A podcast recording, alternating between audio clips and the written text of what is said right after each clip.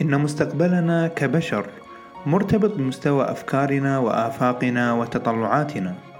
ولكي نرفع ونوسع تلك الآفاق لا يوجد شيء أفضل من سبر أغوار هذا الكون للكشف عن أسراره وجواهره الخفية. معكم حسن الشيرازي وأهلا بكم في الكون بودكاست.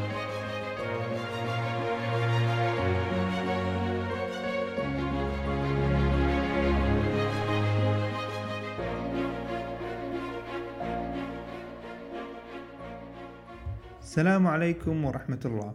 حياكم الله في الكون بودكاست واللي هي عبارة عن قناة عربية صوتية مخصصة لطرح ومناقشة علوم الفضاء والفلك بشكل خاص والثقافة بشكل عام.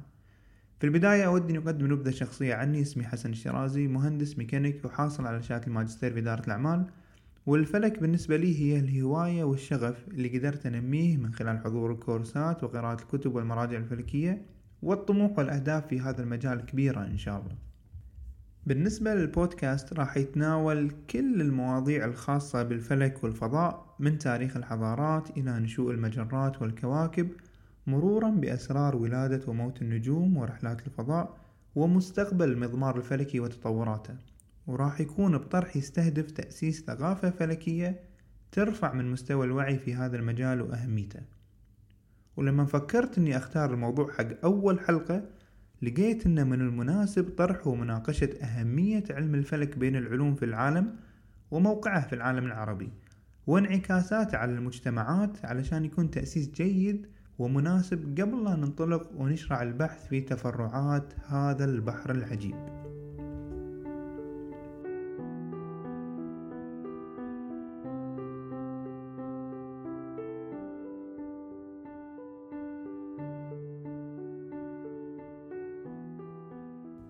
لما تصير مناقشات وتناقل لأخبار علم الفلك مثلا بين شخص يطرح آخر مستجدات هذا العلم بين عامة الناس مثل اكتشاف موجات الجاذبية أو كواكب شبيهة بالأرض وغيرها من المعلومات التي قد تكون مثيرة لأصحاب التخصص والهواة أو لمحبين العلوم بشكل عام كثيرا ما يتردد السؤال التالي شنو فائدة المعلومة المذكورة؟ أو شلون أستفيد من الخبر في يومياتي وحياتي الاجتماعية والمادية فهي بالنهاية ما راح تزيد بالمدخول الشهري ولا راح تقلل من الجوع في أفريقيا وما راح تقضي على الحروب من حولنا. زيادة على كذي إذا زادت حدة المناقشة واحتدمت الآراء الطرف المقابل لهاوي علم الفلك يروح لنقطة أبعد ويبدي يطالب بصرف المبالغ اللي تنصرف على علم الفلك في موارد تفيد البشرية ويطالب عدم التبذير في ما لا يفيد وكأن اللي يسوونه العلماء طوال هذه السنين هو من باب اللعب واللهو. وهذه نظرة سطحية قاصرة جدا لعلم شامخ قائم أصوله وتاريخه منذ أزل البشرية. وراح أحاول أبين في هذه الحلقة من البودكاست القصور في هذه النظرة من خلال مناقشة محورين رئيسيين. المحور الأول هو التطبيقات المباشرة والملموسة اللي تطورت من علم الفلك والمحور الثاني هو أثر علم الفلك في بناء الحضارات وتشكيل المفاهيم الإنسانية.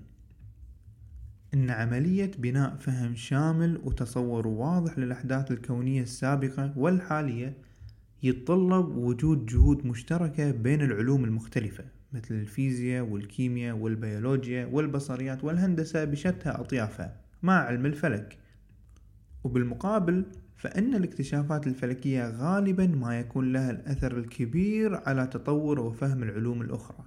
فإذا هي منظومة واحدة كل جزء منها يدفع الآخر للتكامل. ودائما كانت رغبة علماء الفضاء والفلكيين بسبر أغوار الكون تدفع بهذا الاتجاه وتدفع باتجاه الإبداع والاختراع والتأثير في مستقبل التكنولوجيا والاقتصاد والفن. ومثل ما يقال الحاجة أم الاختراع. وهذا ينطبق تماما على علم الفلك. فمثلا نشوف في عالم الصناعات حاجة الفلكيين لتصوير ودراسة التغيرات في تركيبة الغلاف الشمسي كانت هي العنصر الرئيسي للدفع باتجاه اختراع طبقة التصوير المسماة تكنيكال بان عن طريق شركة كودك واللي إحنا استخدمناها لاحقا في التصوير والفن واستخدمت أيضا لتشخيص كثير من الحالات الطبية. مو بعيد عن عالم التصوير في عام 76 قدروا الفلكيين يخترعون سنسر مستشعر للتصوير يدعى Charge Couple Device اللي هو عبارة عن دائرة كهربائية محفورة بالسيليكون وميزتها إنها تستشعر الفوتونات اللي تسقط عليها علشان تولد إشارة كهربائية تترجم لاحقا على شكل رقمي. وكان هذا بداية عهد جديد في عالم التصوير الرقمي واللي استبدل الفيلم مو بس في تصوير التلسكوبات ولكن كان له انعكاس في الكاميرات الشخصية وفي أجهزة الموبايل اللي تستخدمها يوميا. والتطور اللاحق اللي حصل على هذه التكنولوجيا ينسب إلى قرار ناسا في تطوير هذه التكنولوجيا لاستخدامها في تلسكوب هابل. أيضا في مجال الصناعة والاتصالات وتحديدا في لغات البرمجة. نشوف لغة Forth. اللغة هذه طوروها الفلكيين عشان يستخدمونها أساسا في مرصد Kitt Peak الفلكي اللي موجود في أمريكا بولاية أريزونا. وبعدها تم تأسيس شركة أخذت حقوق هذه اللغة وتسمى Forth Inc حققت أرباح كبيرة جدا. ومن تطبيقاتها أن شركة مثل فيديكس تستخدمها وتعتمد عليها لتعقب شحناتها وهذا الشيء ما كان راح يصير لولا علماء الفلك. وأيضا في مجال البرمجة فمن خلال علم الفلك تم تطوير لغة البرمجة Interactive Data Language اللي استخدمت لاحقا من قبل شركة جنرال موتورز لتحليل حوادث السيارات. بغرض تطوير إجراءات الأمن والسلامة واتخاذ القرارات أو القراءات لتصنيع سيارات أكثر أمانا. ونفس اللغة أيضا تم استخدامها في بعض الشركات النفطية مثل شركة بريتش بتروليوم وتكساكو لتحليل العينات حول الحقول النفطية للتعرف على مدى جدوى البحث في مثل هذه الآبار. ننتقل إلى تأثير علم الفلك وتطوراته على واحدة من أهم التخصصات اللي تمس حياتك بشكل مباشر. وأقصد هني التخصص الطبي. ومرة أخرى لأن تصوير وملاحظة الأجرام السماوية يحتاج ويتطلب إلى آليات خاصة كذلك هم الأطباء يحتاجون إلى تصوير دقائق الأمور في الجسم البشري. ولأنهم يحتاجون إلى تصوير عالي الدقة لملاحظة التغيرات اللي تصير داخل أجسامنا تبنوا الأطباء اختراع الفلكي مارتن رايل الحائز على جائزة نوبل لابتكاره تقنية توليف العدسات أو ما يسمى بال aperture synthesis اللي هي تعتبر أساس من عمليات ال CT scanning وال MRI وال PET وغيرها من أدوات التصوير اللي لا غنى عنها في عالم الطب اليوم. وكمثال آخر على مساهمة علم الفلك في تطوير القطاع والتخصص الطبي هو تطوير الغرف والبيئات النظيفة للعمليات. ففي ناسا احتاجوا أنهم يطورون مثل هذه البيئات لصناعة التلسكوبات الفضائية واللي تحتاج حق غرف وبيئة نظيفة معقمة لحماية التلسكوب من ذرات الغبار والبكتيريا من أن تعلق أو تعيق عملية التصنيع أو تأثر على كفاءة القراءات والتصوير فتم تبنيها لاحقا عن طريق المستشفيات والمختبرات الطبية. واللي أقصده بتبني هني هو تبني البروتوكولات والستاندرد المستخدمة في المستشفيات. وفي نفس المجال أيضا نشوف إن في مستشعر حراري صغير تم تطويره علشان يستخدمون الفلكيين في التحكم بدرجة حرارة التلسكوبات يستخدم حاليا بالتحكم في درجة حرارة غرف العناية بحديثي الولادة في المستشفيات بسبب دقته الكبيرة. وعلى مستوى التورمات طور علماء الفلك وبالتحديد أصحاب التخصص الراديوي عدة تقنيات واللي إذا أضفناها إلى التقنيات التقليدية نحصل على كشف نسبة ما فوق 96% من التورمات لسرطان الثدي عند النساء. أكتفي بهالقدر من التطبيقات الطبية وأنتقل حق محطتنا الأخيرة بالتطبيقات واللي هي التطبيقات المباشرة والمؤثرة على الحياة اليومية واللي تطورت من علم الفلك أو ساعد في تطورها بشكل من الأشكال. وأولها هي شبكة ال wireless واللي طورها المهندس الفلكي جون سوليفان عام 1977 حاليا تستخدم كجزء رئيسي في الحياة اليوم لتقوية شبكات الكمبيوتر ونحصل من خلالها على الإنترنت. تطبيق يومي آخر يستخدم في الأمن والسلامة في المطارات مثلا وغيرها للكشف عن المحتويات داخل الحقائب هي ال scanners مالت أشعة إكس هذه كلها تقنيات استحدثت للمراصد الفلكية بداية وبعدين انتشرت وأخذت أبعاد ثانية. وآخر مثال للتطبيقات اليومية هو ال GPS واللي يعتمد بدقته على الستلايتات واللي بدورها تعتمد على الأجرام السماوية البعيدة مثل الكويزرات والمجرات كمرجع لتحديد المواقع بدقة لا متناهية لسكان الأرض أجمع. والكلام في هذا المحور فعلا يطول وتعمدت الاختصار في البحث لأن التطبيقات جدا كثيرة وأترك لكم المجال للبحث فيها أكثر وأكثر.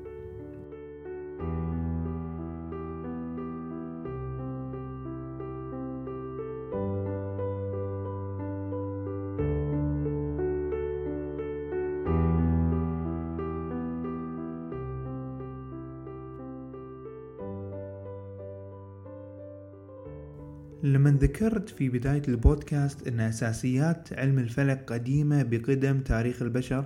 ما كنت أبالغ ولا كان شيء خيالي أو على سبيل المجاز بل هو واقع مذكور ينقل في كتب التاريخ. فلطالما تفكر البشر بجمال الكواكب والقمر وسحر القبة السماوية المرصعة ليلا بنجوم تتلألأ لتحرك مخيلة الإنسان وتستفز فيه أسئلة غريزية عن الوجود والكون والخالق عز وجل. فكانت البدايات مع الألواح في الحضارة البابلية. ذات الطابع الفلكي بملاحظة رتم معين لحركة النجوم وأخذ قراءات للتنبؤ بالمواسم. وهو نفس الشيء اللي طورته الحضارة المصرية واعتمدت عليه من خلال ملاحظة طفح نهر النيل وربطه بالمواسم. وبعدها يأتي الحضارة اليونانية التي يدين لها علم الفلك بالكثير لعظيم ما استنتجت من حقائق كبيرة ومتقدمة على عصرها مثل كروية الأرض ومحاولة قياس المسافات والأبعاد بين الأجرام السماوية على الرغم من بساطة الأدوات في تلك الحقبة. ويت بعدها حضارات متعاقبة تبني على اللي سبقتها مثل الهندية والصينية والعربية والفارسية وغيرها. إلى وقتنا الحاضر والتسيد الأمريكي حق هذا العلم ولنا وقفات في حلقات قادمة لنبين دور الحضارات اللي ذكرناها بشيء من التفصيل. لكن لما نفكر للحظة ليش أولت هذه الحضارات كل هذا القدر من الأهمية لعلم الفلك؟ راح نلاقي نوعين من الأجوبة. النوع الأول أن مثل هذا العلم كان ينظم أمور الإنسان الحياتية مثل الزراعة عند الرومانيين فكانوا يحتاجون يعرفون وقت ذوبان الثلوج علشان يزرعون المحاصيل وغالبا ما كان يكون في شهر مارس حاليا. فتتبع النجوم ودرس المواسم. ومن الأمور الحياتية البحار مثلا عند الفينيقيين اللي يعتقد أنهم أول من أشار إلى كوكبة الدب الأكبر وكانوا يعتمدون عليه لأنه يشير إلى الشمال. ومن الأمور الأخرى تنظيم أوقات الحروب اعتمادا على المواسم وهو يعتبر نوع من التقدم على الحضارات الثانية والشعوب المعاصرة ويعطيهم نوع من التفوق الاستراتيجي والعسكري. ومثال أخير على تأثير علم الفلك نشوفه باهتمام الحضارة الإسلامية لأن من خلاله نقدر نحدد مواقيت الصلاة بشكل دقيق جدا وتحديد القبلة وبداية دخول رمضان وغيرها من التواقيت الإسلامية المهمة. أما الجواب الآخر للسؤال اللي طرحناه أن ليش الحضارات أولت هذا الاهتمام لعلم الفلك؟ واللي برأيي هو الجواب الأهم فهو ببساطة حب الاستطلاع والاستكشاف الغريزي المحفور في دي ان اي الإنسان. فكل ما كانت الظروف مناسبة تفكر الإنسان ليرتقي بفهمه وإدراكه للمحيط حوله. فهذا الحب الفطري للاستطلاع هو اللي حرك البشر للتنقل من أفريقيا واستعمار باقي القارات المجاورة وبالتالي استعمار الأرض. وهو نفس المحرك لجاليليو جاليلي لصناعة أول تلسكوب ليتمكن بذلك من رؤية المشتري وأقماره. وهو نفس الدافع لإسحاق نيوتن اللي من خلاله كشف لنا عن معادلات الحركة لفهم الطبيعة من حوله بغض النظر عن الاكتشافات والتطبيقات الهائلة التي سوف تنتج من بعده.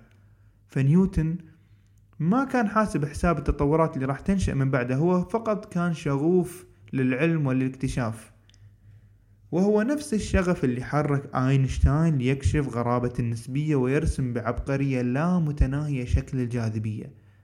وهو ذاته الذي جعل إدوين هابل يغير مفهومنا للكون الثابت ويجعله متسارع بدون تعب أو كلل علشان يخلي لنا القابلية أن نستنتج نظريات مثل الانفجار العظيم تفسر بداية الكون وغيرها من حقائق ونظريات لم نكن نحلم بها أو نستطيع أن نتخيلها حتى لولا دافع الفضول وحب العلم. ومن ناحية ثانية التاريخ المسجل على مستوى الإنسان يرجع لثلاث إلى خمس آلاف سنة تقريبا اللي مدون في الحضارات والديانات وغيرها. عشان نعرف أكثر عن الفترة اللي قبل هذه نستعين في علماء الأركيولوجيا والأنثروبولوجي علشان يقولون اللي عندهم فيما يخص تاريخ الإنسان. وإذا بنرجع بالزمن أكثر راح نحتاج البيولوجيين والجيولوجيين علشان ينظرون ويثبتون تطور الحياة والتغيرات في كوكب الأرض. وهذا كله إذا جمعناه على بعضه نوصل لوقت أقصاه خمس ملايين سنة. ولكن مع علوم الفضاء والفلك إحنا نقدر نعرف تاريخ هذا الكون بالرجوع ل 13.7 بليون سنة. ونقدر نعرف وننظر شنو صار وشلون تكونت المجرات وبالتحديد درب التبانة فيما يخص البشر. وشمسنا وكواكب المجموعة الشمسية وبالتالي يكون علم الفلك ركيزة أساسية لفهم ديناميكية الكون من حول الإنسان وطريقة عمله وبالتالي نقدر نستنتج البشرية وين رايحة وشنو الأخطار اللي ممكن تواجهها. لكن يبقى السؤال المهم إحنا ويننا من كل هذا؟ لما نسوي مقارنة سريعة بين الدول حاليا لا نكاد نرى أي وجود عربي أو إسلامي يذكر. بعدما كان لهم دور بارز ومهم بالتاريخ مو بس في نقل العلم من الحضارة اليونانية إلى أوروبا لا كان لهم دور بارز في تنقيح بعض المفاهيم. لكن الآن لا يكاد يذكر هذا الوجود. بالمقابل نشوف الميزانيات الضخمة اللي ترصد في أمريكا للصرف على الفلك. على الرغم من صغرها في مقابل ميزانيات وزارة الدفاع هناك مثلا.